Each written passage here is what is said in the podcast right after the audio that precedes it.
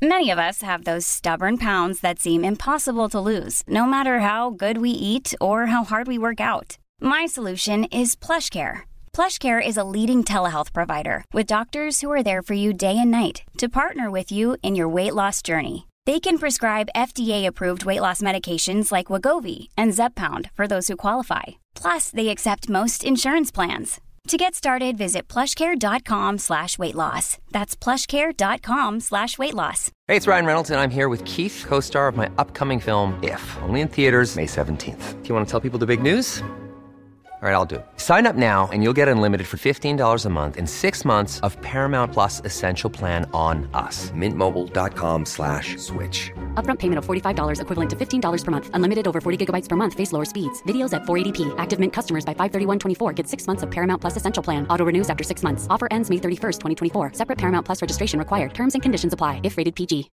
Life is full of what ifs. Some awesome. Like what if AI could fold your laundry? And some, well, less awesome. Like what if you have unexpected medical costs? United Healthcare can help get you covered with Health Protector Guard fixed indemnity insurance plans. They supplement your primary plan to help you manage out of pocket costs. No deductibles, no enrollment periods, and especially no more what ifs. Visit uh1.com to find the Health Protector Guard plan for you. Veckans sponsor är Telia. Hos Telia samlar man mobil, bredband, IT-support, mobilväxel, allt som gör företagande enkelt. Och det är just det här att samla allt på ett ställe, att ha någon att vända sig till när det inte fungerar, det är Telia. Ett exempel på vad som inte är Telia, det är ju som när jag lyckas boka förmötet för en poddinspelning med Finansinspektionen till efter själva inspelningstillfället.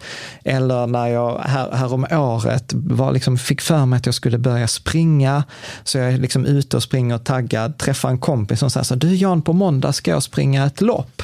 Och jag känner så här, ja men det låter inspirerande, så jag käkar pasta, jag byter om, tar mig ner till Malmö stadion för att göra en efteranmälan, står där i kön och sen så när jag liksom anmäler mig så tittar de på mig och säger så här, du Jan, vårhuset är bara till för kvinnor. Och eh, det var, det var typisk en situation som inte är Telia. Oavsett, ett stort tack till Telia som sponsrar, gör Rika Tillsammans möjligt, men framför allt tack till dig som lyssnar, följer och eh, hänger med oss varje vecka. Nej, det går inte att förutsäga framtiden. Vi kunde inte det för flera tusen år sedan, vi kan det eh, fortfarande inte. Så nej, vi kan inte säga om det kommer komma en börskrasch snart eller inte. Du lyssnar på Rika Tillsammans-podden som handlar om allt som är roligt med privatekonomi. I den här podden får du varje vecka ta del av konkreta tips, råd, verktyg och inspiration för att ta ditt sparande och din privatekonomi till nästa nivå på ett enkelt sätt. Vi som gör den här podden heter Jan och Caroline Bolmesson. Idag är det dags för avsnitt 62. Ja, och eh, idag så ska det handla om en väldigt vanlig läsarfråga som Mm. är typ så här, ska jag investera nu eller ska jag vänta tills börskraschen har kommit? När kommer börskraschen? Ja. Eh, och jag brukar, eh, om jag ska vara lite tuff, så brukar jag sammanfatta detta lite som så här finansiell spådomskonst. ja, men det låter ju spännande när du säger det så. Ja, precis. Nej, men det handlar om lite, alltså vi har ju ändå sparat i snart 20 år, så att vi Mm. har ju varit med eh, om ett och annat. Och jag tror att ofta handlar det om att media eh, börjat skriva, liksom Aftonbladet hade en stor artikel för några dagar Det är därför sedan. som läsarfrågorna kommer Ja, nu om kraschen. Ja, jag tror det. Mm. Eh, och att det, ja, men det pratas så mycket, vi har haft nästan tio års uppgång och sånt. Mm. Men jag tänker att eh, innan eh, vi, vi hoppar rakt in i avsnittet så tänker jag att eh, vi tar lite, så vad, vad, är liksom, vad kommer vi ta upp i dagens avsnitt? Ja, bra. Eh, Så för dig som tittar och lyssnar så får du liksom en känsla för det. Så att det handlar om då de här vanliga läsarfrågorna. Eh, Liksom, ska jag investera nu eller ska jag vänta? Vad ska jag göra för förändringar i min portfölj? Ska jag ändra min strategi? Eh, etc. Sen handlar det ju då om då, det som jag ska säga, våra erfarenheter. Att vi har ju sparat i 20 år. Hur, hur har vi använt eh, nyhetsbrev och analytiker, förutsägelser etc. Eh, men sen så tror jag också att det handlar inte bara om vad jag eller vad vi tycker, utan vad säger faktiskt forskning? För att det Ja. finns eh, en hel del forskning på det här ämnet. Kring spådomskonsten eller kring börskrascherna? ja, både och, Mm. men eh, framförallt också hur det har gått för så här, analytiker och när ja, man men det är gjort förutsägelser. Mm. Eh, och där är, där är till och med tidsserie på 50 år. Att man har tittat så här, så hur har sådana här eh, Analytiker egentligen prickat rätt. Ja, Mm. nej men precis. Eh, och sen så tycker jag också att det är ganska intressant att eh, titta på, så vad säger de här liksom, proffsen? Och då menar jag inte proffsen som förvaltar andras pengar, eh, utan de menar så här, legendarerna. Alltså, Alltså- de som har mycket pengar Ja, men och typ som Warren Buffett. byggt och upp det själva. Precis. Mm. Warren Buffett, en av världens rikaste män som anses vara världens bästa investerare. Peter Lynch eh, och liksom ytterligare sådana här. Eh, För att de har också uttalat sig ganska mycket Mm. om just det här. Och eh, sen så tror jag att det handlar faktiskt om att titta på rent konkreta saker. Så vad kan man göra i sitt sparande inför Inför Ja, en en möjlig börskrasch. Ja, precis. Och, eh, och sen så tänkte jag också att eh, gå igenom vad vi kommer göra eh, med, eh, med, med våra portföljer. Bra. Eh, så att det är väl liksom dagens avsnitt i, Mm. i, i stora drag. Eh, till dig som eh, lyssnar så vill jag också säga att många, vi kommer liksom, publicera på bloggen som vanligt lite bilder och grafer etc. Så att de kan ju vara lite kluriga att liksom hänga med på när vi bara lyssnar. Men, Men vi försöker ändå beskriva dem vi kommer beskriva det så gott vi kan, absolut. Mm. Men om jag tar liksom en av de första läsarfrågorna, Ja. så, så lyder den så här, ska jag hoppa på tåget nu eller vara lugn med att det inte spelar någon roll om en kris kommer inom det närmaste året, åren? För jag har en bra diversifiering, alltså jag har spritt det, jag har inte alla äggen i samma korg. Enligt din strategi och på sikt kommer jag få en bra avkastning. Eller ska jag fega och sätta alla pengarna på ett fasträntekonto eh, på tre år? Så Mm. det så här lyder en fråga. Ska För du, att, gö- för att minst, för att, eh, vad heter det? Jag får tjäna för att som den- mest pengar. Ja, men inte bli av med så mycket pengar när kraschen väl kommer. Va? Absolut. Mm. Absolut. Ska du ta nästa? Nästa läsarfråga Mm. lyder så här. Jag vet att det är svårt att pricka in rätt tidpunkt att köpa.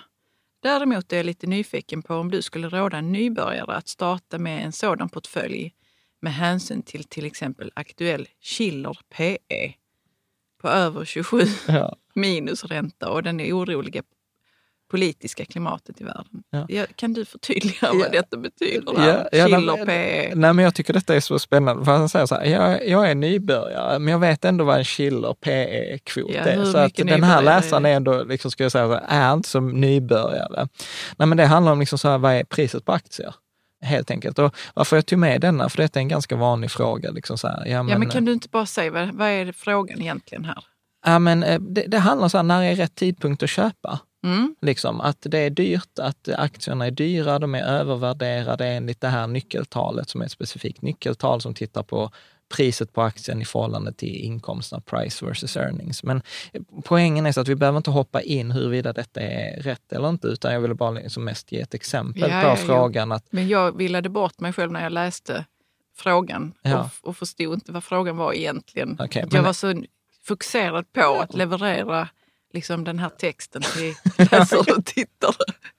Okej, men bra. Men är du med på vad frågan betyder Ja, ja. Att det handlar om så här, Ja. ska man köpa nu eller är det dyrt? Ska jag vänta? Ja, Eh, hur, absolut. hur ska jag göra det i oroligt politiskt klimat? Liksom?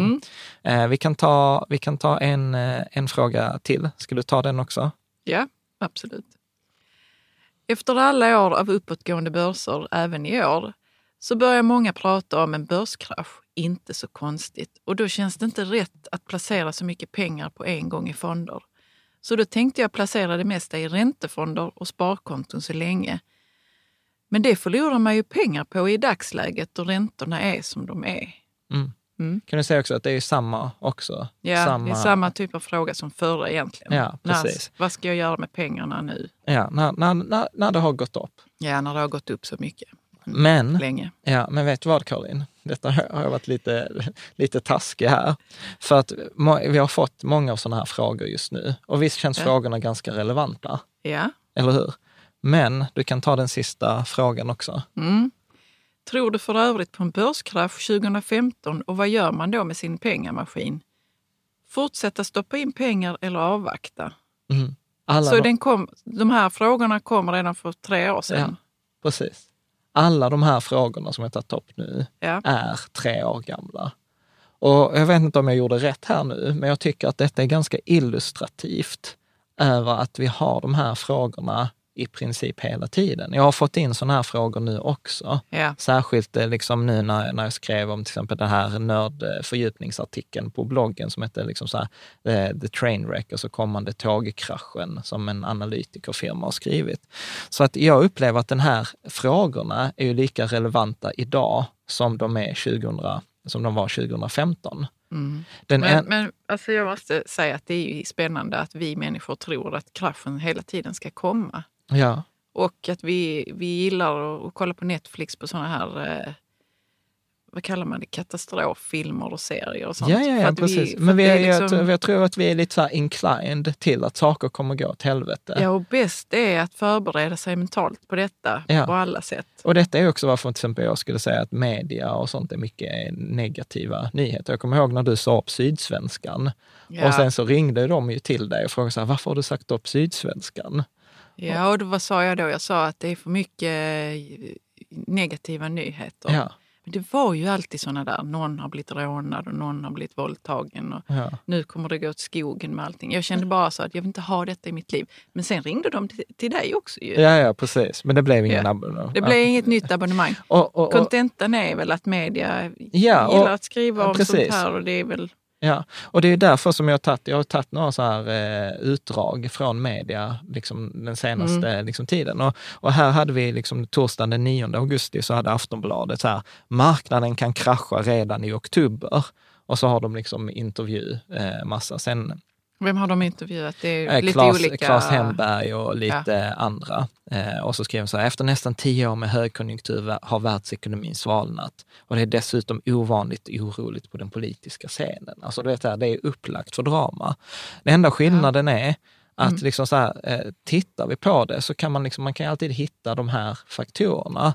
Och, och jag själv är ju liksom så här nojig, man kan titta här eh, Nu har vi en graf här. Ja, precis. En eh, graf som jag fick från ett nyhetsbrev som tittar på till exempel att den amerikanska börsen har gått upp med 300 procent sedan 2009. Så att det är liksom tre, tre gånger pengarna och då ser man så här, oh, den har gått upp som en sol och redan där har vi ju så här ordspråk, så här, ner som en pannkaka. Tittar man liksom eh, på ytterligare sådana här grafer, så till exempel nu mycket på sistone har man pratat om de här FANG-aktierna. Det vill säga eh, Facebook, Amazon, Apple, eh, Netflix och Google. Ah, Varför skrattar du? Nej, men detta är så himla bra. Alltså, detta kan, kan få mig att låta smart i andra sammanhang. Att jag kan säga FANG-aktier och sånt och då vet jag vad det är för någonting. Ja, precis. Och andra Jag- vet precis, kanske inte. Precis, och då kan jag repetera det igen. FANG, F-A-A-N-G, Facebook, Amazon, Apple, Netflix och Google. Mm. Och, och då har man också, också visat så här, okej, så hur stor del är de här fem eh, aktierna som en del av hela den amerikanska börsen? Ja. Och då har man liksom så här klassisk hockeyklubba-graf där man ser att de här har ökat liksom med 6 000 procent de så senaste först är det fem bara liksom lite lågt och sen går det nästan Ra, spikrakt rakt upp. upp. ja. Och då ser man också detta, ja men detta är ju inte möjligt, titta som de har ökat. Och så hittar man detta som bevis för att liksom det, Det snart. kommer det en börskrasch. Mm. Och sen är det lite roligt också för att eh, sen börjar man använda så här klassiska nyckeltal och så börjar man liksom, som då till exempel där PE som eh, den här eh, man börjar titta, så analytikerna börjar titta på klassiska nyckeltal. det, ja, precis. Och så tittar man så här historiskt, som till exempel i, i den här grafen, där man tittar så hur var PE-talet 1929 när den stora börskraschen kom? ja, precis, och då, då var den typ 26. Och, och nu tittar vi så här, ja men nu är den en bra bit över 30. Under IT-bubblan så var den typ 40. Är med? Så ja, börjar man liksom... man använder de här... eh, Nyckeltalen. Det är, det är ju inte så flummig spådomskonst egentligen. Men Nej. på en, ändå på något vis så kan, det, så kan de här nyckeltalen egentligen inte säga så mycket, eller? Ja, alltså grejen är att vi, jag, jag, jag tänker återigen, för att jag, min poäng är inte så mycket att det finns något nyckel. Om det fanns ett nyckeltal Mm. som fungerade, tro mig, då hade alla använt det. Problemet är att det finns inte. Och det är därför liksom som man, som man eh, använder, till och med så här, man hittar på egna, som jag brukar kalla ibland lite så skumma indikatorer. Ja. Att här har man liksom till exempel i ett, eh, jag kommer lägga ut de här bilderna på, på bloggen, men här har jag till exempel ett eh, så här analytikerbolag skrivit så här, men vi tar den amerikanska centralbanksräntan mot the Taylor rule model. Och jag ska vara helt ärlig, jag har inte en susning om vad the Taylor rule model är. Men det, det är ganska övertygande om att allt kommer gå åt helvete. Eh, men grejen är också så att jag känner ibland att jag bidrar också till den här negativa eh, stämningen. Alltså, ja, hur då? Nej, men till exempel som den här artikeln som vi publicerade på bloggen The Great Reset. Men grejen är att när jag publicerar de här artiklarna som vi kommer att prata om sen, så tror jag att det handlar om att försöka skilja. Så vad kan man veta och vad kan man inte veta? Mm. Och, och jag, kan du inte specificera vad du menar med det? Jo, men jag tänker till exempel den här artikelserien The Great Reset eh, som pratar mycket om de problemen vi har. Eh, så är det liksom fakta. Vi har de här problemen. Men bara för att man pratar om problemen så eh, behöver, behöver man inte göra en förutsägelse när, när skiten inträffar. Alltså mm. ungefär så, jag har pratat om att vi har problem på den svenska bostadsmarknaden sedan 2008. Yeah. Det, det är ju liksom fakta. Sen har jag ju också trillat i fällan att jag försökte förutspå den. Alltså, alltså när, när bostadsbubblan när skulle... den skulle spricka. Ja. Eh, och, och, där gick det i skogen. Och där behöver man ju skilja på Eh, liksom att, ja, för den har inte spruckit än. Nej, precis. Man kan ha rätt i sak, men man kan ha fel i timing. Mm. Men jag tycker alltid att en ökad förståelse är, är ganska... Men du, var är det här Great Reset? Eh, Den ligger på bloggen. Yeah. På riketsammans.se mm. så kan man bara bläddra ner. Yeah. Så att jag är väl liksom i allra högsta grad skyldig till det här. Jag brukar ibland till med skoja också att jag själv har förutsett 14 av de senaste två krascherna. liksom. Yeah. Eh, och, och, och, ja, precis, vi har pratat om bostadsbubblan. Och jag ska helt ärligt säga också så att när man ser alla de här graferna, de här att börsen gått upp 300 procent de senaste tio åren. Eh, vi har sett de här FANG, man ser de här nyckeltalen, man ser modeller man inte ens förstår. Då är det lätt att tänka så här, shit, andra fattar eh, mycket bättre än, mm. än vad jag gör. Eh, och, och, jag kan tycka att det är liksom så här klurigt att, att själv inte agera eh, på den där känslan. Mm. Men visst är det bara en känsla egentligen? Ja, men det är det ju och, och, och jag tror att eh, också... Så det kan ju fortsätta gå upp. Ju. Absolut, Precis, det, det, är precis det som är grejen och det är det jag tänkte liksom visa. För att mm. just att, att göra den här, liksom, att spå om framtiden, att försöka förutsäga framtiden, det är ju någonting vi har hållit på med i tusentals år. Mm. Eh, jag, jag läste till och med en artikel i New York Times när jag gjorde researchen till det här, var att det är till och med världens näst äldsta yrke. Mm. Eh, och, och, att man hade till exempel oraklet i, i Delphi hade man, och de drev ju sin förutsägelsebusiness i över tusen år. Från liksom Framgångsrikt. Framgång, ja, men det måste Undrar om de hade rätt någon gång? Ja, tydligen måste de ändå haft det några, några gånger. Eh, mm. Eftersom liksom, om man tittar hur stort Delphi faktiskt i, i Grekland, hur, hur stort eh, det, det var. Mm. Det är ju bara ett problem med att försöka förutsäga grejer, det är, eller förutsäga framtiden. Och det är ju faktiskt att du får ju faktiskt ett, ett facit förr, förr eller senare. Och, eh, Men kommer du, kommer du någon gång under denna podden gå in på mm. vad du tror eller är det, det är egentligen irrelevant kanske? Ja, jag kan ju hinta det redan nu, att ja, det är helt irrelevant. Yeah. För att eh, jag tänkte göra min poäng här med, eh, med ett par, par bilder faktiskt. Här har jag liksom plockat ut ett urval av tidningsartiklar mm. om börskrasch så den första artikeln... Du kanske kan beskriva lite vad det är? Ja, nej, men den, precis, absolut. Nej, men den första artikeln var ju den från Aftonbladet från i torsdags, ja. eh, som är så här att nu kommer marknaden krascha. Sen plockar jag en artikel från januari i år, 2018, från, eh, tror det var Veckans Affärer, där det är så här, en börskrasch kan vara på väg. Det är rubriken. Ja. Det var precis. Sedan dess, sedan den artikeln, har börsen ökat 4,87 procent. Mm. Eh, tittar vi på nästa eh, artikel, då är det från 2017 experterna, så förbereder vi oss för en börskrasch. Och detta är från svensk, eh, Svenska Dagbladet? Svenska Dagbladet Näringsliv 2017 08 22. Börsen mm. sedan den artikeln har publicerats har gått upp 11,7 procent. Mm. Mm. Tar vi nästa. Tung expert varnar för börskrasch. Eh, och det här är också Svenska Dagbladet Näringsliv. Näringsliv eh, 2016 01 14. Börsen har gått upp 45,7 procent sedan dess. Yeah. Vi kan fortsätta. Eh, från 2015, Veckans Affär igen. Ny börskrasch närmar sig. Faktorerna som kan få allt att falla. Eh, 2015 05 22, börsen sedan dess, 22,9 procent upp. Eh, vi kan fortsätta till 2014. Går vi mot en ny börskrasch, ETC, eh, börsen sedan den artikeln har gått upp 90,5 procent. Och vi kan liksom så här, 2013, en börskrasch kan komma när som helst. Och så har de intervjuat eh, liksom någon Laszlo Zombafvi, jag vågar inte ens uttala det.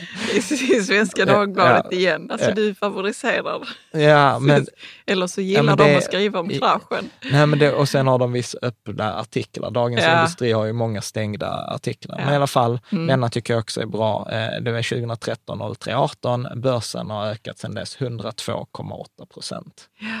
Så att Visst har de rätt, en börskrasch kan ju komma när som helst. Ja. Alltså det de har ju inte fel i sak. Nej, precis. Men den har inte kommit de kommande fem år. Och hade man, hade man stått utanför, hade man då litat på den här förutsägelsen 2013, ställt sig utanför, haft pengar på räntekonto, ja då hade du missat en dubblering av dina pengar. Jobbigt. Ja, eller hur? Och det är det som kan göra mig så himla frustrerad, för att jag har ändå sparat sedan 96, så jag har ju sett ett antal sådana här eh, artiklar. Jag vet ju att de kommer ju med jämna mellanrum, och sen när en börjar så hökar de andra på och, och så, så är det vidare. Men liksom problemet när man har liksom sett hur många gånger de har fel, så börjar man liksom lite så här tappa, tappa förtroendet för det. Och, och det är ju där jag tänker också att om man tittar på de här eh, experterna, så tänker jag ibland i mina mörka stunder att, att hade, de, hade de vetat vad de höll på med så hade de ju varit så här extremt rika. Ja, om de hade kunnat spått framtiden på riktigt. Ja, men eller hur? Då- Och vi pratar inte att de hade haft några hundratusen eller några miljoner. Vi pratar alltså hundratals miljoner eller till och med miljarder. För att idag finns det så många olika sätt att tjäna eh, liksom pengar på, på på börsen. Och problemet är att de flesta säger så här, "Ja, men jag har, ingen kan ha en kristallkula, men jag har ändå mer rätt än vad de flesta eh, har. Och jag kommer ihåg att i början så tänkte jag så här, ja men så, så kan det ju vara att eh, liksom, det räcker ju att, du vet om någon är duktig så kanske de har lite mer rätt än de flesta andra. Men problemet är också att detta i alla fall hos mig skapar en orealistisk förväntning. Ja. Alltså typ att, att det finns faktiskt en gråskala i det här med förutsägelser. Liksom, du kan inte ha rätt alltid, men det är bättre att lita på proffsen eller någon som har gjort detta liksom länge. Okej, så du hade mer förtroende för dem? Nej, än, än för mig själv. ja. För, att, för att jag tänker liksom så här att ja, men den som är ja, men som en konsult eller en vd Mm. som har jobbat i 40 år borde ändå veta vad, vad de, De har mycket under bältet. Ja, men typ ungefär så. Men, men, men problemet är att det skapar den där orealistiska förutse, liksom att, eller förväntningen om att det finns en gråskala. Medan jag påstår idag, efter liksom när man är lite äldre och lite klokare, att nej, där finns ingen gråskala i förutsägelser. Liksom, Antingen har du rätt eller så har du inte rätt. Alltså lite ungefär så, som jag brukar ibland säga, som att vara gravid. Antingen är du gravid eller så är du gravid inte. Ja, du kan inte vara lite gravid nu. Nej, det finns Nej. liksom inte något emellan. Och översätter man detta då till, eh, till ekonomi, så antingen tjänar du pengar eller så tjänar du pengar inte.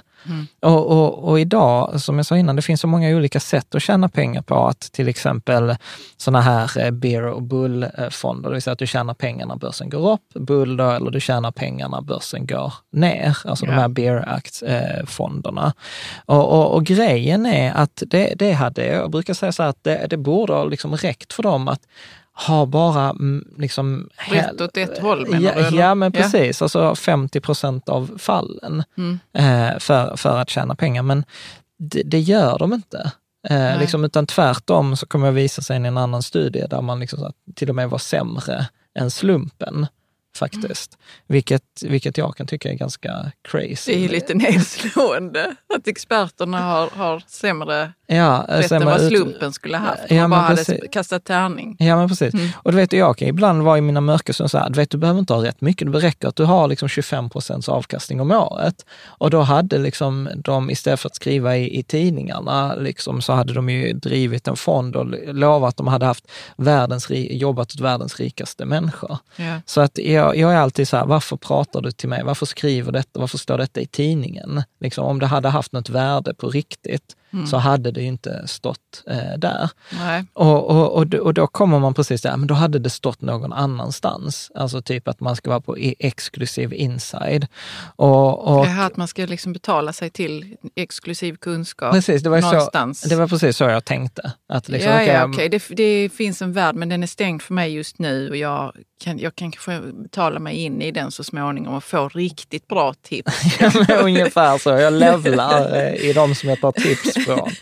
Och, och då Hur vet vi att det inte är så? Jo, för att eh, där finns, eh, då brukar man prata om så här betalda nyhetsbrev och det finns ju så här n- nyhetsbrev om med finanstips, allt från som är gratis till ett eh, som, som jag liksom, i, alltså, du vet till och med jag har varit så här sugen att köpa det som kostar så här 30 000 om året. Ja. Eh, eh, Så att det finns liksom hela skalan. Och grejen är ju, ja, vi ska inte prata om den affärsidén, den är ju briljant av de som gör det, men, men man önskar ju att det funkar. Och då finns det något som heter då Halbert Financial Digest. Är det ett nyhetsbrev? Nej, Nej. utan det är ett amerikanskt företag, det är, jag tror han heter Mark Halbert, eh, som var så här att han 1980 så började han följa de här nyhetsbreven, så han typ prenumererade på alla nyhetsbrev som fanns och sen gjorde han precis så som de sa att man skulle göra. Ja, med lite pengar för varje Ja, nyhetsbrev. eh, precis. Eller torrsimmade, liksom, att han köpte liksom en fiktiv portfölj. Liksom. Men Ja. han, gjorde, han följde i alla fall de här nyhetsbreven.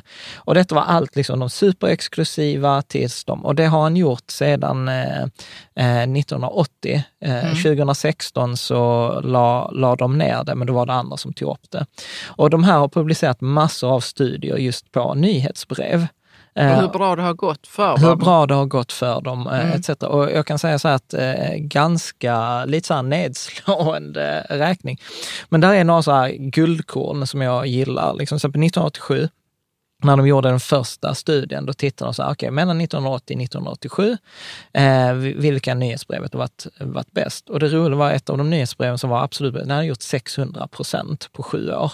Det är typ 30 procent om året. Alltså det, det är briljant. Detta är ju också nära när det bara gick upp, upp, upp Ja. på börsen ju. Precis. Och det roliga var att detta, de publicerade detta då 87 och 87 kom en stor krasch. Eh, Jag tror det var så här svarta måndagen. Men i alla fall, om du hade, när de släppte den här undersökningen, om du då hade eh, köpt eh, det här nyhetsbrevet eller följt de här råden, som har liksom uppenbarligen gett 32 procent om året de Ja. senaste sju åren, då hade du förlorat 57 procent den första månaden. Och, och det är det jag menar, så att du kan Okej. inte förutsäga framtiden. Att till och med de här, liksom, så att du, du kan ha tur ganska länge. Men, Precis. men sen, sen räcker det att du, liksom, jag brukar säga problemet med sparande är att det räcker att du har fel ordentligt en gång. Jag Så förlorar man rätt mycket pengar Ja. så tar det lång tid att få Ja. tillbaks. Precis, de, jag inte ens får tillbaks, om du får tillbaks dem. Alltså det, ibland så tänker jag på det lite som golf. Alltså de som spelat golf. Vad tänker du då? Jo, nej, men jag Golf. tänker så här, du kan ha ett skitbra utslag. Du kan ha ett jättebra inspel in på green.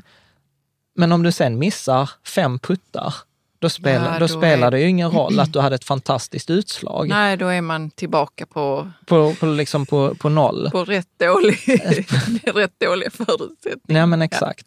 Eh, samma, sen gjorde de ett 35-årsjubileum.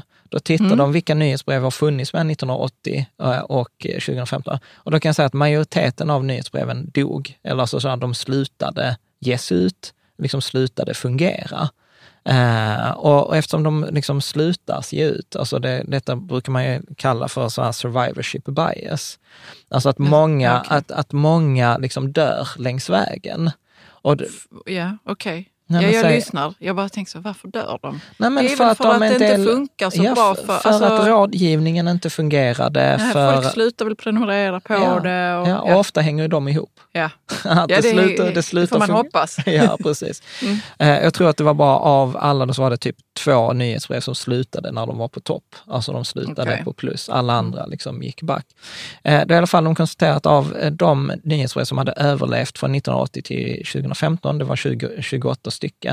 Eh, ni, eh, nej, förlåt, 28 av de nyhetsbrev som började 1980, då fanns det nio kvar Okej. eh, 2015. Av dem hade två slagit marknaden. Mm. Så att då är det liksom två på 28, alltså det är en, en på sju. Och jag kommer att prata mycket mer om detta med, med statistik eh, sen, för att eh, när de gjorde undersökningar på kortare tidsperioder så var det än värre. Liksom. Att Ja, nyhets... för detta är ändå en lång period. Ja. Och så Ja. två av 28, det är, alltså det, det är inte mycket. Nej, men hur ska man kunna hitta de nyhetsbreven? Och det kan ju till och med vara så att, det är lite, att de har haft lite Tur, tur. ja, ja. ja precis. Jag, kommer, jag kommer till fler studier nu. Mm. Och eh, ett av så här berömda sådana här exemplen som man brukar ta, ta upp ibland, det är hon Elaine Garzazelli. Alltså gud vad jag har svårt att uttala namn idag. Hon var typ den enda som förutsåg den här kraschen 1987. Vad är- Vem var hon då? Ja, men hon var en sån här analytiker, spådam. Fast hon hade, nog inte, nej, hon hade nog inte kallat sig för spådam, men eh, utan så här finansanalytiker Ja. eller ekonomijournalist eller vad, vad hon nu var. Eh, hon i alla fall förutsåg börskraschen 19- 1987, Mm. typ den enda som gjorde det. Så det var, alltså du vet, hon blev ju berömd liksom, Ja, på, på Mm. det här. Och hon fick ju till och med sin egen fond, apropå det vi pratade om innan. Ja, men om du är så jäkla grym, varför ska du hålla på med nyhetsbrev? Starta en fond och förvalta folks pengar. Det kommer du tjäna långt mycket mer pengar på. Ja. För folk har ju inga problem att dela med sig av vinst. Eh, eller? Om jag tjänar 100 spänn, ja, då kan jag dela med mig av den Lite grann hundralappen. i alla ja, fall. Precis. Eh, men i alla fall, så att hon fick en egen fond. Eh, problemet var att varken liksom, eh, före eller liksom efter det att hon fick den här fonden, har hon gjort lika bra förutsägelser. Fonden gick på sju år, jag tror att den gick upp 38 procent. Eh, och det kan man ju tycka är ganska bra. Ja, jag tänkte precis, är det bra eller? Ja. Det låter ju bra. Det låter Men- bra, precis. men vad tänker du? Men du måste ju jämföra med hur börsen gick i allmänhet. Mm, Så hur precis. gick index under samma period? Och index under samma period gick plus 62. Okej, så så, att- det är sämre än börsen. Så hur gick sämre än eh, index? och så man, jag skulle satt pengarna i en indexfond Om- istället. så hade du haft 62 procent och hon gjorde 38. Så hon underpresterade mot index på den här Det kan man sjuårsperioden. ju säga. Ja. Ja. Och eh, detta slutade med att fonden lades ner 1994. Ja. Och, och detta är liksom bara ett exempel. Det är inte som att jag har cherrypickat och bara vet, jag hittade det ena exemplet av hundra. Eh, där det var så här, utan det är tvärtom. Det är snarare så att det finns 99 sådana här exempel. Eh, en annan ganska intressant sån här studie gjordes av David Dreman. Och eh, han skrev, jag tror redan typ 1979, boken Contrarian Investment Strategy. Och i den boken så roade han sig med att gå igenom liksom 50 års eh, finansiella förutsägelser. Så han tittade på typ jättemånga förutsägelser mellan 1929 och 1979. Och detta är en av eh, de studierna som jag har sett som är liksom så mest eh, i detalj. Och eh, hans slutsats var ganska tragisk. Han var så här, experterna underpresterade mot marknaden. Alltså precis som hon Elaine gjorde. Så att eh, de kanske gjorde plus 38, men börsen att köpa alla eh, aktierna, då typ köpa en indexfond, så det som vi alltid brukar tjata om, eh, hade gått bättre. Eh, förutsägelserna fungerade bara i 23 procent av fallen. Så de hade, de hade fel 77 procent av gångerna de gjorde en, eh, en förutsägelse. Och eh, han plockade också fram några av liksom, som så här, de mest, eh, vad ska man säga, spektakulära förutsägelserna som bara slog totalfel. Eh, och eh, det gjorde han 1971, så var det då en undersökning bland 150 institutionella förvaltare. Och att förval- Institutionella förvaltare, är det bank? Ja, men det är ofta att det är Eh. typ så att du vet för Harvard eller för en pensionsstiftelse. Ja, eller så okej. Det är när du har levlat bortom att förvalta en fond.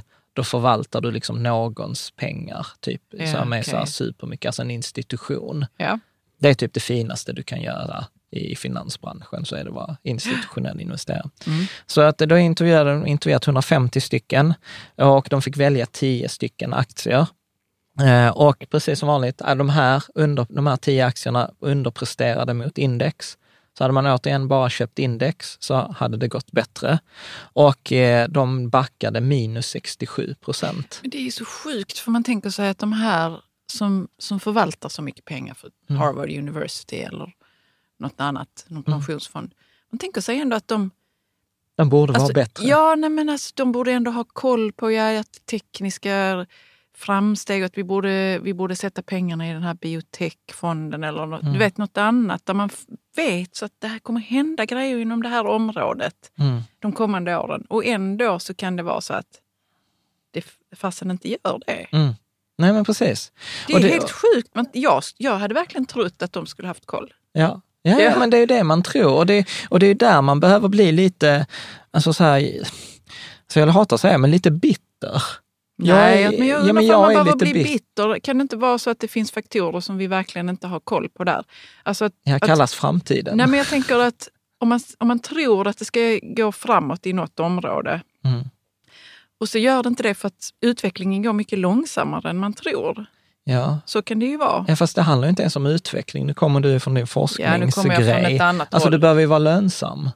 Det, det, Ja. Du behöver ju tjäna pengar. Liksom. Det, det är ju, jag, så här, jag påstår, det går inte att förutsäga framtiden. Det gick inte för tusen år sedan i Delphi, även om de hade en good run. Liksom. Mm. Men det, det går inte. Eh, och, och det finns, alltså detta är inte min enda studie, Vänta, it- det kommer mera. Eh, han gjorde också ett annat exempel. De hade intervjuat 2000 professionella investerare eh, och de lyckades alla välja, liksom så här, det året så hade de en specifik aktie de röstade på. 95 procent backade den de kommande 12 månaderna. Vad- Vet du vad det var för någon aktie? Ja, jag eller? kan skriva det på bloggen, jag la inte det på min. Nej. Inte. Nej, det var någon för det verkar vara, alltid kul när de allihopa tror på en Ja. liten häst. Ja, precis. Ja. Eh, sen året efter, då valde de som bransch flygbolagsbranschen och den lyckades de också eh, tappa 50 procent på, samtidigt i en uppåtgående marknad. Så Mm. att marknaden gick upp, men det, flygbolagen gick backade med 50 procent. Mm. Det är därför jag är liksom så här, jag ger liksom inte så himla liksom, eh, mycket för det här. Och han själv, eh, han David, eh, han blev citerad, där han skriver så här, The findings startled me. While I believe the evidence clearly showed that the expert made some mistakes, I did not think that the magnitude of their error would be as striking or as consistent. Mm. Och då, det han säger är att han blev förvånad av resultaten. Ja, att det, att det var, han blev förvånad. Han var så här, okej att de kan ha fel, men jag blev förvånad att det var så uruselt. Och så konsekvent fel. Och så konsekvent, under, precis, inte under bara- tid. Liksom. Precis, inte bara att det var uruselt, det var dessutom konsekvent uruselt. Jag vet inte om det gör det bättre eller sämre, om jag ska vara, eh, om jag ska vara helt ärlig. Ja. En, en annan sån här kul Mm. studie, eh, alltså detta har varit jättekul att göra research till. Eh, Wall Street Journal eh, har så här att var sjätte månad eh, så går de igenom så här förutsägelser från kända nationalekonomer huruvida räntan kommer öka eller minska. Alltså så Okej. nu pratar vi så här, Mm. återigen, binärt. Kommer den gå upp eller kommer den gå ner? Mm. Inget mittemellan. Inget mittemellan. Så här, kommer den gå på sikt gå upp eller kommer den gå ner? Och han då, Jim Bianco, han är också en sån här eh, analytiker. Så han gick igenom då de här förutsägelserna, han gick igenom 20 års historik. Liksom, och tittade då i Wall Street Journal. Och han insåg att de här nationalekonomerna, de hade rätt i 30 procent av fallen.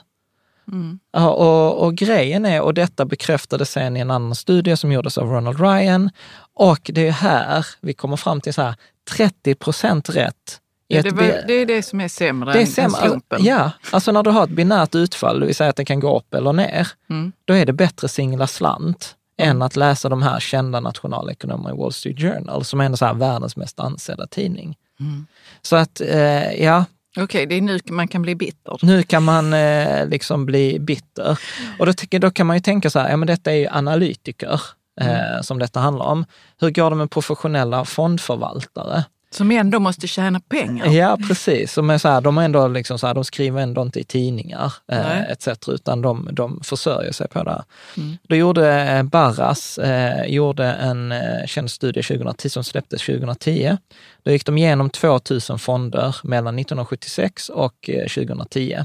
Eller 2000, jo jag tror det var 2010. Eh, och eh, av de här 2000 fonderna så 75 procent gav samma avkastning som index. Det vill säga att det, spelar ingen roll om du hade valt dem eller valt en indexfond. 24 procent underpresterade. Det vill säga att de gick sämre, det har varit bättre att köpa den här indexfonden. Och 0,6 procent överpresterade. Det vill säga att det är sex, sex fonder på tusen eller sex förvaltare på tusen som, eh, som slår index. Ja. Och, så att därför säger jag säger inte att det inte går att slå index då, det är ju så en annan konversation. Men hur ska vi veta i förväg vilka de där sex eh, liksom 0,6. analytikerna eller förvaltarna kommer, kommer vara? Och detta finns det ju ett eh, jättekänt eh, klipp med Eugene Farmer som eh, fick priset i, eh, i ekonomi. Vad, vad, var- vad var det för klipp med, sa du? Jo Var men, eh, ju, det? jo, det finns på bloggen. I, i det videoklippet eh, så konstaterar han ju liksom det här att för den genomsnittliga spararen, det bästa man kan göra det är att ha en indexfond eh, mm. över tid. Och där var det ju också så här att det är lätt att tänka så här, hans studie är mycket på amerikanska förvaltare och amerikanska ja. analytiker. Men grejen är att det finns ju en svensk professor, Harry Flam på Stockholms universitet, så han gjorde en liknande studie fast mm. under svenska förhållanden. Och eh, han skrev, eh, tror det var i 2014 när han var klar med studien, så skrev han liksom så här att Eh, sammanfattningsvis finns det väldigt få bevis för att svenska fondförvaltare kan välja aktier som ger ett positivt nettoresultat. Mm. Så att det är precis, samma resultat. Precis eh, samma eh, resultat. Och, och jag tänker ju också att på någon nivå så handlar ju detta bara om statistik. Alltså det vill säga att om man tar 5 000 analytiker och de ska bara välja, kommer börsen gå upp eller ner? Så efter ett år, så statistiskt sett så borde ju 2 500 av dem ha rätt. Om ja. vi tar ytterligare ett år så borde 1250 av dem ha rätt. Ytterligare ett år 675 och efter ytterligare ett år 337, 168 och så vidare. Och, och tittar vi liksom på tio år, ja men då har du tio stycken analytiker som har haft helt rätt. Mm. Hänger med? Och, och då är vi tillbaka på samma problem som innan. Ja, det finns människor som kommer ha rätt tio år, precis som det finns människor som kan liksom kasta tärning eh, och slå sexor ett antal. Men det, problemet är alltid, så hur ska jag veta liksom vilka, vilka kommer de här eh, tio stycken av de här 5000 analytikerna vara? Hur ska ja. jag liksom veta det, eh, det i förväg? Mm. Eh, och det är det som jag påstår är eh, omöjligt. Och om vi tittar då på vad, vad, vad, säger då människor med väldigt mycket pengar, eller så här, de som jag innan i början av avsnittet kallar för legendarerna.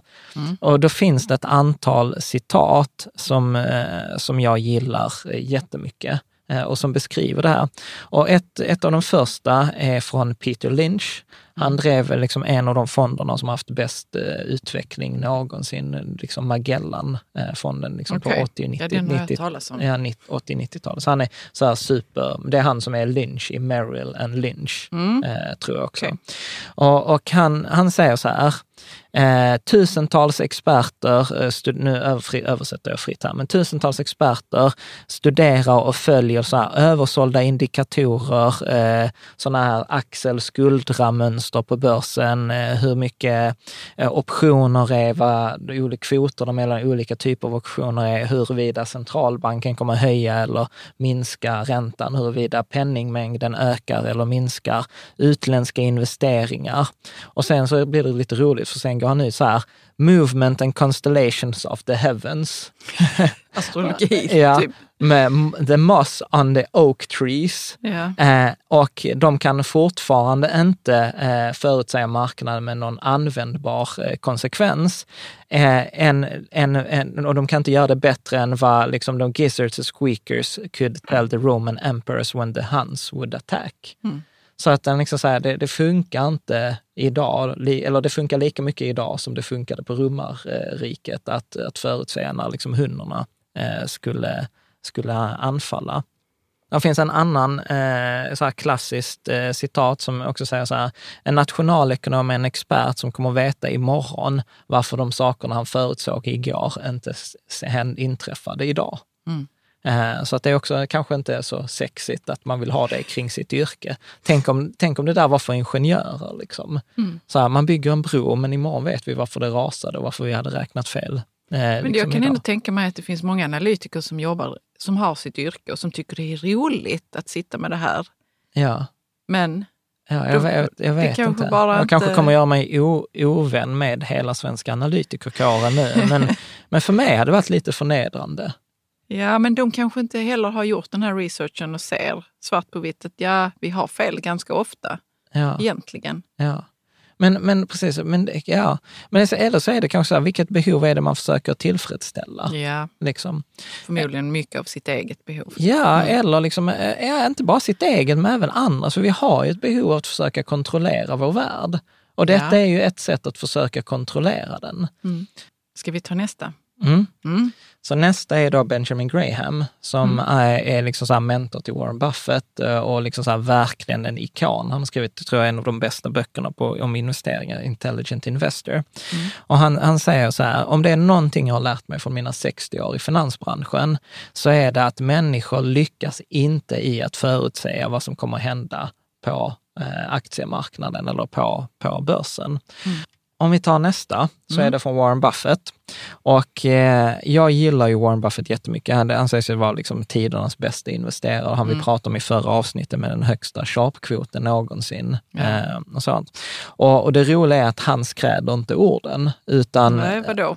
Tänk- Nej, men den, för, den första meningen han säger så här är att eh, jag och Charlie, hans partner då, har länge tyckt att det enda värdet med de som försöker förutsäga marknaden på kort sikt är att få spådamer att se bra ut. Eh, och det är ganska, jag tycker det är ganska tufft. Liksom. Och sen så säger han också så här att även eh, idag så tänker jag och Charlie eh, att, eh, att försöka förutsäga marknaden på kort sikt, eller kortsikt, eller han säger egentligen så här, kortsiktiga marknadsförutsägelser är giftiga och de här bör man hålla liksom, eh, långt ifrån barn. Eh, eller så säger han också, eller från vuxna som beter sig som barn på, på marknaden. Eh, så att eh, jag har ju svårt att tänka mig att Warren Buffett skulle lägga pengar på en analytiker eller någon som försöker eh, förutsäga. Eller så jag ska Gör kanske, han allt själv? Han, Nej, de, är, de har ju en stab. Okej. Och det är kanske är fel att säga analytiker, för det beror på vad man analyserar. Ja, precis, men, ja. men att försöka göra analytiker som gör förutsägelser om framtiden. Det, det Warren Buffett har blivit rikast i världen på, nu är han kanske inte rikast, men topp där. Det är ju helt enkelt att hitta, liksom att skilja på vad du kan förutsäga och vad du inte kan förutsäga. Och det han säger så att jag köper kvalitetsbolag och sen utvecklar jag och håller dem väldigt länge. Liksom. Men det man får säga då är om honom att han, han gör det han känner Ja. är, är rätt eller tycker är rätt Ja. utifrån sina förutsättningar istället för att försöka haka på någonting. Ja, ja, ja. Får man väl säga. Mm. Ja, nej, men absolut. Eh, fortsätter vi så är det mer på liknande tema där Mm. John Kenneth Galbraith sa så här, the only function of economic forecasting is to make astrology look respectable. Ja, det är typ samma som vad Ja. Buffett sa. Precis. Så att, så att nej, jag, jag är liksom så hoppas att jag liksom med det här axplocket kan visa så här, det finns ingen kristallkula. Det, det går inte förutsäga eh, framtiden. Och jag påstår till och med så här att de som hävdar annorlunda har något egenintresse i det. Det vill säga att de tjänar pengar på att sälja nummer, av, liksom, eh, lösnummer av tidningar eller av analyser eller av nyhetsbrev eh, eller, eh, eller motsvarande. Och, och som jag varit inne på innan, jag tror att det, detta handlar om ett kontrollbehov. Eh, Att försöka förutsäga framtiden ja, finansiellt. Ja, precis, för vi håller ju på med det, vi försöker kontrollera vår omvärld hela tiden i massa... Jag vet inte vad du pratar om. Nej, men de flesta av oss vill ha ett kontrollbehov, mer Ja. eller mindre. Ja, precis. Och sen så tror jag att det handlar om rädslan att göra fel. Att jag vill inte bli påkommen, du vet, tänk att jag, min portfölj gick ner och tänk om jag hade läst på mer eller tänk om jag hade gjort det. Lite också den här, eh, lite rädslan att bli idiotförklarad. Alltså du vet, tänk om jag skulle få, ja men så här, Carro, alltså hallå, tänkte du inte på det här? Det kunde ju alla förstått. Är, är, är du med? Och, och, och det är ju det som man känner så här, att man inte har gjort tillräckligt eller obehaget i den här känslan av, av ånger. Du menar när man sitter med sin portfölj? Ja, och vill ha de här förutsägelserna. Ja. Och, och när vi läser de här artiklarna så, så tror jag också att det handlar om att, att ge bort en del av ansvaret. Det är en falsk känsla av att, att ha koll kanske. Ja, Ja. precis. Eh, och och detta, detta liksom, just de här psykologiska faktorerna har vi ju eh, fördjupat oss mycket, jag tror det är avsnitt 53 och 54. Så att jag kan verkligen rekommendera att gå till dem, till, jag tror att avsnittet är ett så här misstag vi har gjort i, Ja. i vårt sparande. Så att jag, jag tror att återigen så handlar det om lite så här lära känna sig själv och så här, varför läser jag de här artiklarna? Ja. För att, så som jag gått igenom nu, där finns ingen substans. Alltså de som kan säger liksom så här, detta är för att få astrologi att se respektabelt ut, eller Mm. detta är eh, liksom för att få spåtanter, eller ja, liksom, det finns ingen studie som visar att man uthålligt har kunnat förutse marknadsrörelser. Så att jag läser det inte för att lära mig någonting, jag läser det inte för att fatta något gott beslut, Nej. utan då är det ju något Kanske annat. man läser det för underhållningens syfte. Alltså det finns ju ingen skam i att läsa det, men man behöver inte agera på allting som, Nej, nej som precis. står i det. Nej, precis. Eh, och, och då tänker jag, då, då blir ju den intressanta frågan så här, så vad kan man göra istället? Okej, Ja, ja, jag vill gärna höra vad man kan göra istället. ja, För att du vet, det är nog ändå så att man sitter med de här förutsägelserna och artiklarna och så och känner att ja, men det ger någonting. Ja. Känslan av kontroll eller ja, att man blir underhållen av det. Ja. Men vad kan man göra istället då om man nu ska skippa det? Ja, jag, har, jag har försökt sammanfatta ett par punkter som jag tänker. Eh, och det första är då att skilja på information som går att förutsäga och inte. Mm. Och jag kommer ge fler exempel. Det går till exempel inte att förutsäga hur börsen kommer att gå de kommande 12 månaderna, om vi får en börskrasch eller inte. Det är helt omöjligt att förutsäga. Däremot kan vi förutsäga att på en tioårshorisont så kommer börsen med stor sannolikhet vara plus. Eftersom alla tioårsperioder sedan andra världskriget har varit plus, eftersom vi har en inneboende ökning i, i, i marknaderna eh, etc. Så att, att urskilja just sådana här saker, så vad kan jag bygga, vad, vad, kan, vad kan jag ha som en bas eller en fast grund? Och jag kommer ge ett antal exempel på det. Sen skulle jag säga att aldrig satsa sina pengar på förutsägelser, någons eh, förutsägelser, utan att man behöver liksom titta och arbeta, som jag säger, evidensbaserat. Alltså vad finns det stöd i forskningen för? Vad finns det för liksom, fakta eh, på det här? Liksom skilja på tyckande eh, och, och fakta. Och jag kan uppleva att i, i, idag är det ju eh, svårare än det var förr. Eftersom idag räknas ju nästan ett tyckande som fakta. Ja. Faktiskt. Eh, sen så tänker jag också så här, att fokusera på det man kan påverka, för det är ändå ett antal saker man kan påverka i sin eh, portfölj. Eh, och sen skulle jag verkligen säga så här, att inse att investera handlar om sannolikheter. Eh, och det är därför jag alltid tjatar om så här, ja, sannolikheten är 90 procent, sannolikheten är 86 procent. För då vet vi liksom att då ingår det att att på 100 månader, ja då kommer jag förlora kanske i 10 av dem eller 14 av dem. Men jag kommer tjäna pengar i 86 av 100 månader. ja, för vi vill ju gärna tjäna pengar bara. Vi vill ju inte ha det där spel, att, spelet, att det ingår i spelet att ja, ibland så Nej, men går det ibland, också ner ibland, lite. ibland så tror jag så att man många gånger vill ha en strategi utan förluster. Mm. Och det finns inte. Nej. Inte ens ha pengarna på bankkontot. Det har vi pratat i avsnittet med Claudia Galli om att det, till och med ha pengarna på bankkontot gör ju att du blir av med dem i inflation. Mm. Ehm, liksom. Och sen ska jag vara så, så eh, tuff som är så här, alltså förkasta alla planer som bygger på att det ska finnas en förutsägelse om framtiden. Mm. Det, det är redan i, i, idag. Och på samma sätt då att inse att, att förlora måste ingå i strategin. Mm. Att vid vissa tillfällen kommer man förlora pengar. Det går inte att undvika. Det går inte att ha en hundraprocentig eh, uppstrategi. Och sen så skulle jag säga lite för att citera han Eugene Farmer, Nobelpris, sluta prenumerera på Finanspar. Eller om du prenumererar på de här tidningarna, Veckans Affär, Dagens Industri, SvD Näringsliv, så här, var medveten att det är Finansspar. Det har inget med verkligheten att, göra. eh, att, eh, att göra. Eh, Mm. och eh, jag tänkte faktiskt, vi har ju en kompis som eh, går AA. Ja. Eh, och eh, jag- det slog mig faktiskt eh, när jag skrev, eller när jag förberedde det här avsnittet, att den här sinnesrobönen är inte så himla dum. För den ingår i, eh, Den ingår i i alla sådana här anonyma... Ja, precis. Anonyma Grupper. alkoholister. Och den säger så här, ge mig sinnesro att acceptera det jag inte kan förändra, mod att eh, förändra det jag kan och förstånd nog att inse skillnaden. Och jag tycker faktiskt, jag vet inte om du håller med Du, mig, har, du, du, du, du tar den liksom Nej, inte, du, eh, nej, men jag gör inte det.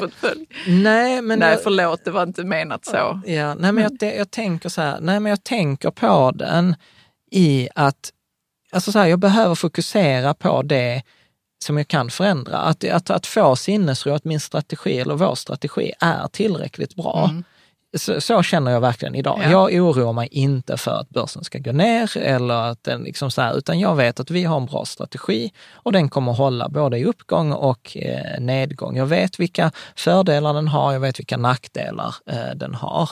Eh, och, och det gör ju också att man inser, eller att jag inser att liksom de här förutsägelserna finans, det är ju bara slöseri, det är en distraktion. Det är ju slöseri på tid, eh, helt enkelt. Absolut. Eh, och då tänker jag så här, så vad är det vi kan, eh, vad är det vi kan påverka? Och då tänkte jag egentligen ta de stora penseldragen. Vi har ju separata avsnitt i princip om alla de här eh, delarna. Och det första jag skulle säga är att ha en bra övergripande strategi. Det kan man ju påverka. Jag kan påverka hur jag lägger mina pengar. Eh, och där har vi ju pratat om där fyra hinkar-strategin. Ja. Det, det är ju liksom det, det första. Att fördela, jag fördelar mina pengar i de här fyra hinkarna.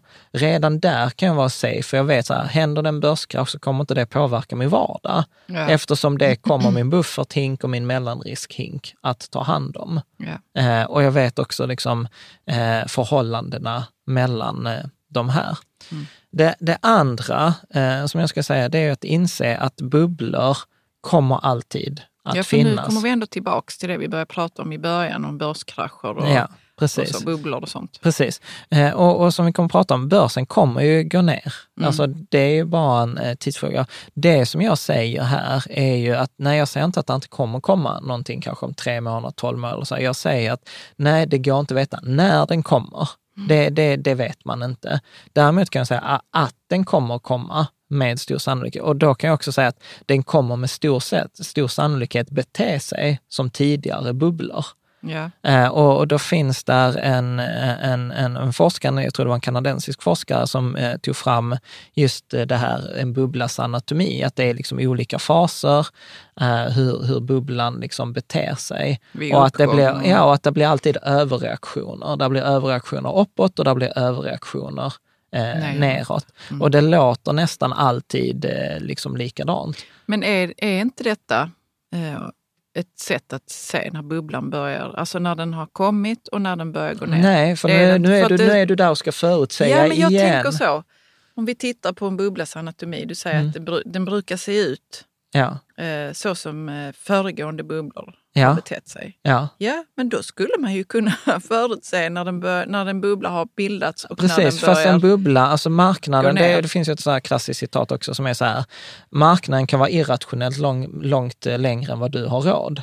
Eller vad, Ja. du, vad du har råd att vara solvent. Liksom. Mm. Så att eh, om vi tar bostadsbubblan, jag har ju tyckt att bostad, vi har haft en bostadsbubbla sedan 2008, ja. men den har ändå fortsatt tio år. Och, och det har ju kostat enormt mycket pengar, Mm. eh, oss. Liksom, att hade vi köpt en Men bostadsrätt, har, eh, tycker du att, att bubblan, om det nu är en bostadsbubbla, att den har betett sig som att oh, nu, är det näst, nu kommer det nog att spricka? Har du, har du liksom tänkt så? här, men Nej, men jag vet inte, alltså så här girig, alltså om vi tar eh, de här olika bubbelfaserna, så är det ju liksom så här entusiasm och där kommer girighet, att andra hoppar in och det går Ja. alltid upp och sen det är nytt paradigm nu, det är annorlunda nu. Ja. Eh, eller sen när det går ner lite så jag går snart upp igen. Ja, Men du vet, så här, det kan hålla på två år, tre år, fyra år, fem år. ja. Och, och du kan, och det, det är klart, du kan ju lyssna på Laszlo där 2013 och gått ur marknaden Ja, ja, och, och missat en hundraprocentig uppgång. Mm. Med? Så att det, det går, och det är ju detta som man blir lurad av. Mm. Och det är därför jag säger så här, att bubblas anatomimodellen är inte till för att förutsäga en bubbla. Den är till för att få en förståelse när saker och ting sker, varför sker de? Okej, bra Liksom. att du skiljer ut Ja. vad det är vi tittar på egentligen. Och, och, att ha, och för mig handlar detta mest om en trygghet. Mm. Att veta i så här, okej nu kommer det åka liksom neråt, det kommer bli en överreaktion och, och sen kommer det återgå till ett normalläge. Mm. Och det är därför jag också tjatar om att liksom spara, spara eh, långsiktigt. Mm. Eh, sen tänker jag också repetition här på ett, eh, ett annat eh, avsnitt som handlar om att titta var kommer avkastningen från? Att det viktigaste man kan göra är att ha en bra allokering. Vad, vad, tänker vad är det för någonting? Jo, men det här med att skilja hur mycket pengar har jag i aktier, hur mycket har jag i räntor. Mm. Eh, Det vill säga för att det är, då är det här, i Claudia Galli-avsnittet gick vi Ja. igenom detta, jag tror de två avsnitten där vi pratade om den här metaforen, med att det viktigaste, om, om man ser att tillgångar är som olika fordon, Ja. så om jag ska ta mig till Stockholm då kan jag välja eh, flyg eller bil. Mm. Det är liksom fordonet det är det första jag ska välja. Sen kan jag välja liksom modell. Vill jag ha en sportbil eller en, en SUV eller en kombi? Har jag liksom ett vanligt flygplan eller har jag ett stridsflygplan? Ja. Och sen i det tredje läget eh, så ska jag välja vilket specifikt märke. Mm. Och ju, ju, ju mer detaljerad jag är, desto mindre spelar det roll.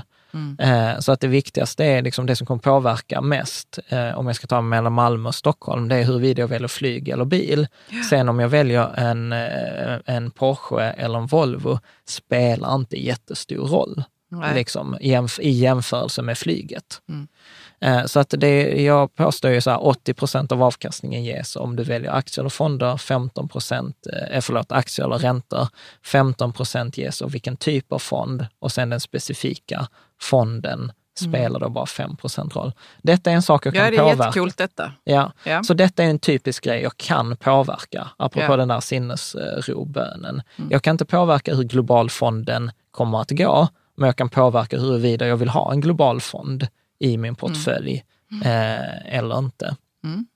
tar vi nästa. En grej också som så här, historiskt sett har visat sig väldigt stabil är ju att aktier är bättre än räntor. På eh, ett års sikt 65 procent sannolikhet att eh, aktier går bättre. På fem år 78 procent sannolikhet och på tio år 86 procent sannolikhet. Så till och med sådana här när folk säger så här, aktier är bättre än räntefonder. Det hör man väldigt, eller jag hör Ja, det det, väldigt, väldigt ofta. Absolut. Så jag säger, nej det är ingen naturlag, det är bara 86 procent sannolikhet Mm. Att räntefonder är bättre, eller att aktier Fast är jag bättre. tyckte det var ganska så övertygande siffror.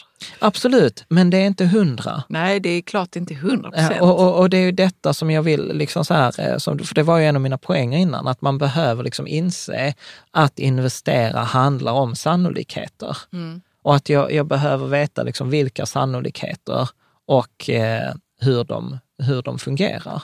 Tar vi nästa eh, exempel så handlar det om den här, jag vet att det är nog den bilden jag visar mest för alla. Och det är den här med eh, börsens utveckling mellan 1870 och 2017 Ja. som visar den här slagiga grafen, eh, det vill säga hur börsen har gått varje enskilt år. Att eh, liksom 99 gick det plus 70 procent och 2008 gick det minus 40 procent. Mm. Och det, det är ju detta jag menar att här när man står i januari så är det extremt svårt att förutsäga att 99 kommer det vara att en hundralapp är värd 170 kronor i december.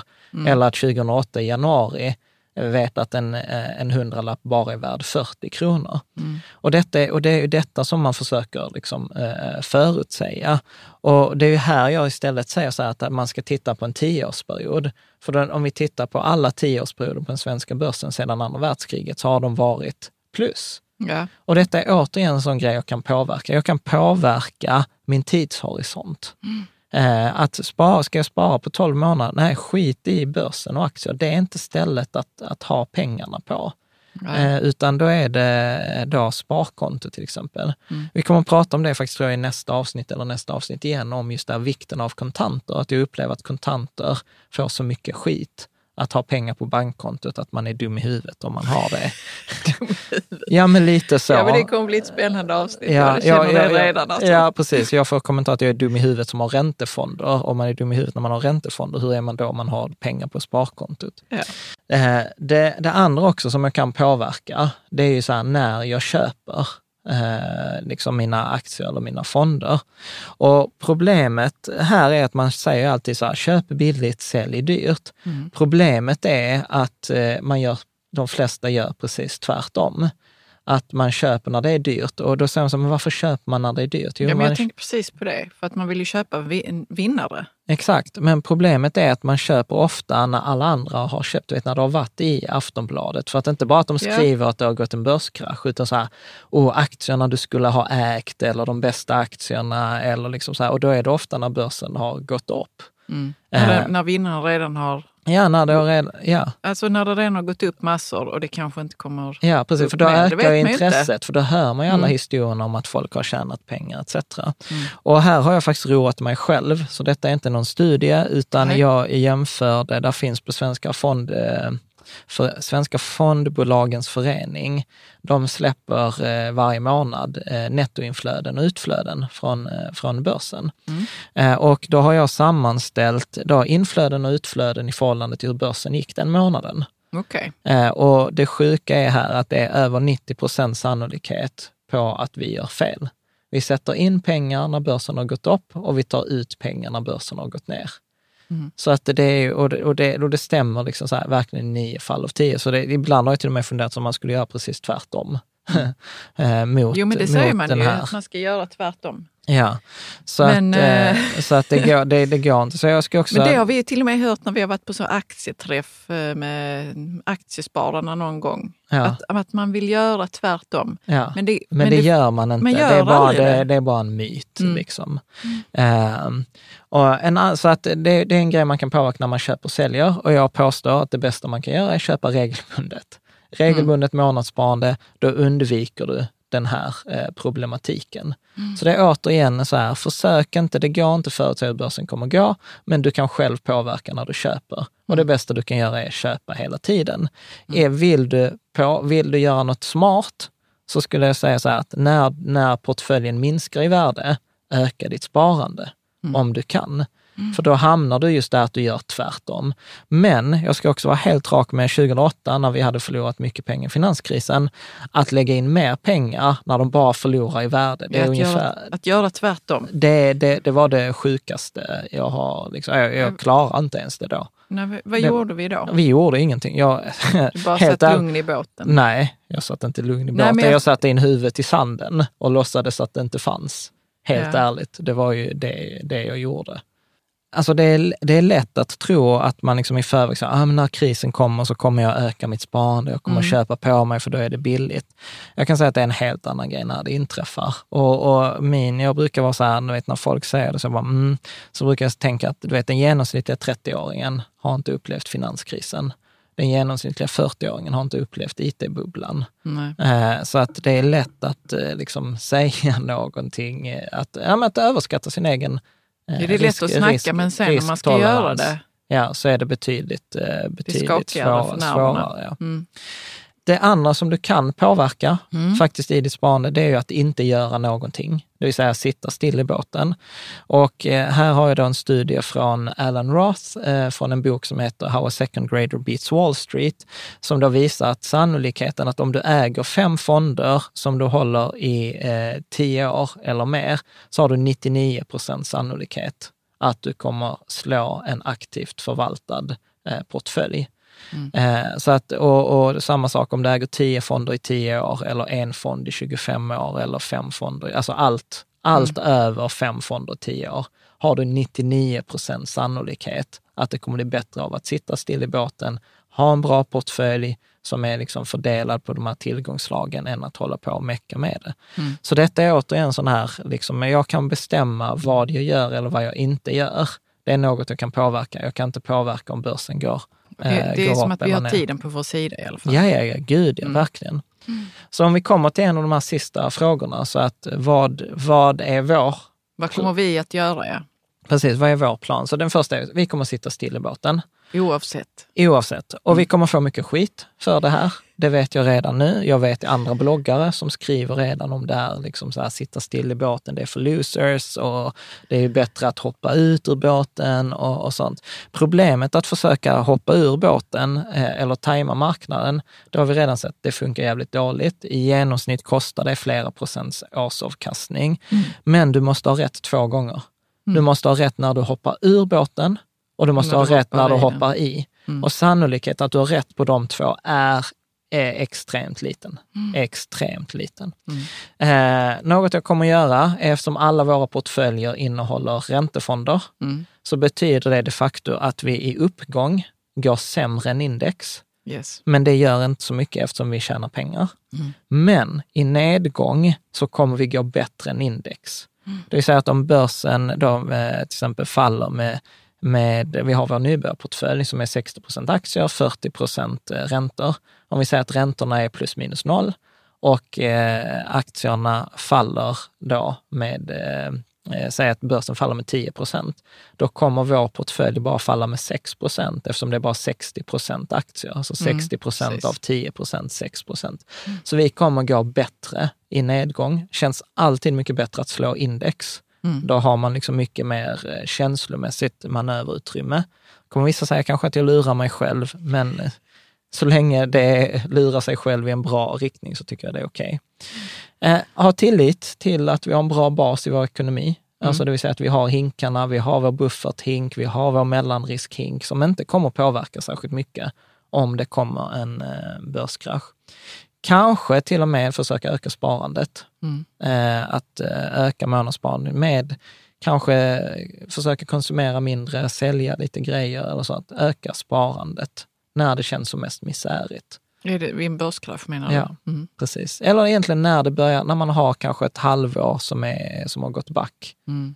Så tänker jag att då kanske man kan försöka öka sparandet. Hålla koll på nattsömnen. Ja, vad tänker du då? Jo, men det är ju ditt. Jag gillar det så mycket som du sa vid något tillfälle, så här, att eh, om det kostar dig din nattsömn så är det för dyrt. Mm. Eh, så att sover man dåligt, då har man för hög riskexponering. Då får mm. man sänka. Eh, lita på den här tidigare erfarenheten, upplevelsen av krasch. Jag, alltså, vi eh, kommer skriva mycket om det här, men att säga så att det kommer gå över, det kommer alltid sol efter regn mm. eh, och att sitta ut den. Så att eh, nu börjar vi liksom runda av här, men om vi ska sammanfatta det här avsnittet som det är ändå ganska långt, så är det så här, det går inte att förutsäga framtiden.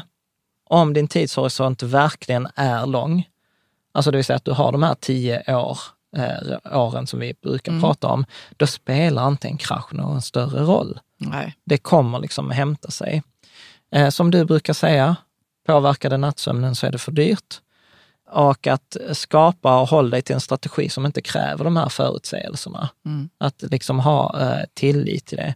Och att man förlorar ofta, men det finns ett ordspråk på, på, i finansbranschen som säger så här, du, kan, du förlorar mer pengar på att stå utanför än att rida ut stormen. Mm. Så att inte försöka tajma den. Och eh, vi kommer kommunicera när detta händer. Liksom. Eh, så att jag tror att där kan ju faktiskt vara ett av de stora värdena. Att ibland så kan jag känna så att, att jag lite längtar tills när krisen kommer. För att då får man se vilka som står liksom badar utan badbyxor. jo, men lite så. För att jag litar på, alltså förstår du, jag får så mycket kritik idag. Uh, och det märks väl att jag reagerar på det, på att jag är defensiv och att vi tar för, liksom, att vi har räntefonderna och, och det. Men mm. grejen är så att okej, okay, att vi, nu har vi haft tur och våra portföljer har gått riktigt, riktigt bra. De har till och med gått bättre än index. Men det är mm. bara tur, det är inte skicklighet. Däremot kommer det, vara, kommer det inte vara tur att de kommer gå bättre i en kris Nej. än, än vad, de, eh, vad många andras portföljer eh, kommer, kommer gå. Så att jag är inte så orolig för det. Så att det, mitt tips brukar vara att anmäla dig till vårt nyhetsbrev. Det är gratis, det kommer en gång i månaden. Och vi har eh. inga förutsägelser? Nej, du kommer inte få en enda förutsägelse eh, i, i det. Eh, så det kan du göra då på riketsammans.se nyhetsbrev. Så att eh, det som egentligen återstår att göra nu, om du vill, det är ju helt enkelt att eh, om du gillar det här avsnittet, eh, kommentera. Mm. Det kan du göra antingen på bloggen helst, eller du kan göra det på Youtube eller Soundcloud eller var du nu har tittat eller sett det här avsnittet. Prenumerera gärna på vårt nyhetsbrev, på podden, på Youtube om du inte gör detta redan nu. Eh, besök gärna vår Patreon-sida, då patreon.com rika tillsammans. Eh, där lägger vi upp liksom powerpointen till det här avsnittet, vi lägger upp researchunderlaget och så lite, lite extra material till alla er som stödjer eh, mm. bloggen. Det är ju helt och hållet frivilligt och man kan läsa lite mer där. Annars, följ oss gärna i sociala medier och Annars är det inte så mycket mer att säga än eh, tack för att du har lyssnat tack. på ännu ett avsnitt. Yep. Du bara skrattar. Nej, men jag tyckte det var, jag tyckte det var skoj faktiskt idag. Ja, vad tyckte du var det bästa idag? Jo, men det är för att ämnet det är ju så engagerande, det här med börskrasch och eh, vad ja. man egentligen ska ta sig till. Ja. Och sen så kommer vi alltid fram till det där nej men, ha en lång eh, tidshorisont för då är det strunt samma. Ja. Och det är så himla skönt. Ja, vad, vad, vad roligt. Men gav det det du trodde att det skulle ge då? Ja, men jag var, jag var så glad när du eh, rubricerade avsnittet. Eh, vad var det du använde? Finansiella spådomskonsten. Ja, så alltså, det där, måste, det där rubriken får du behålla. Ja. Det bara, vadå? Jo, men det är precis, alltså det är så himla fantasieggande ändå liksom. Ja, Mm. ja Vi vad spännande. behöver eh, ha lite sånt. Ja. Vad du säger. Håller du, håller du med Caroline? Kommentera gärna. Tack för idag.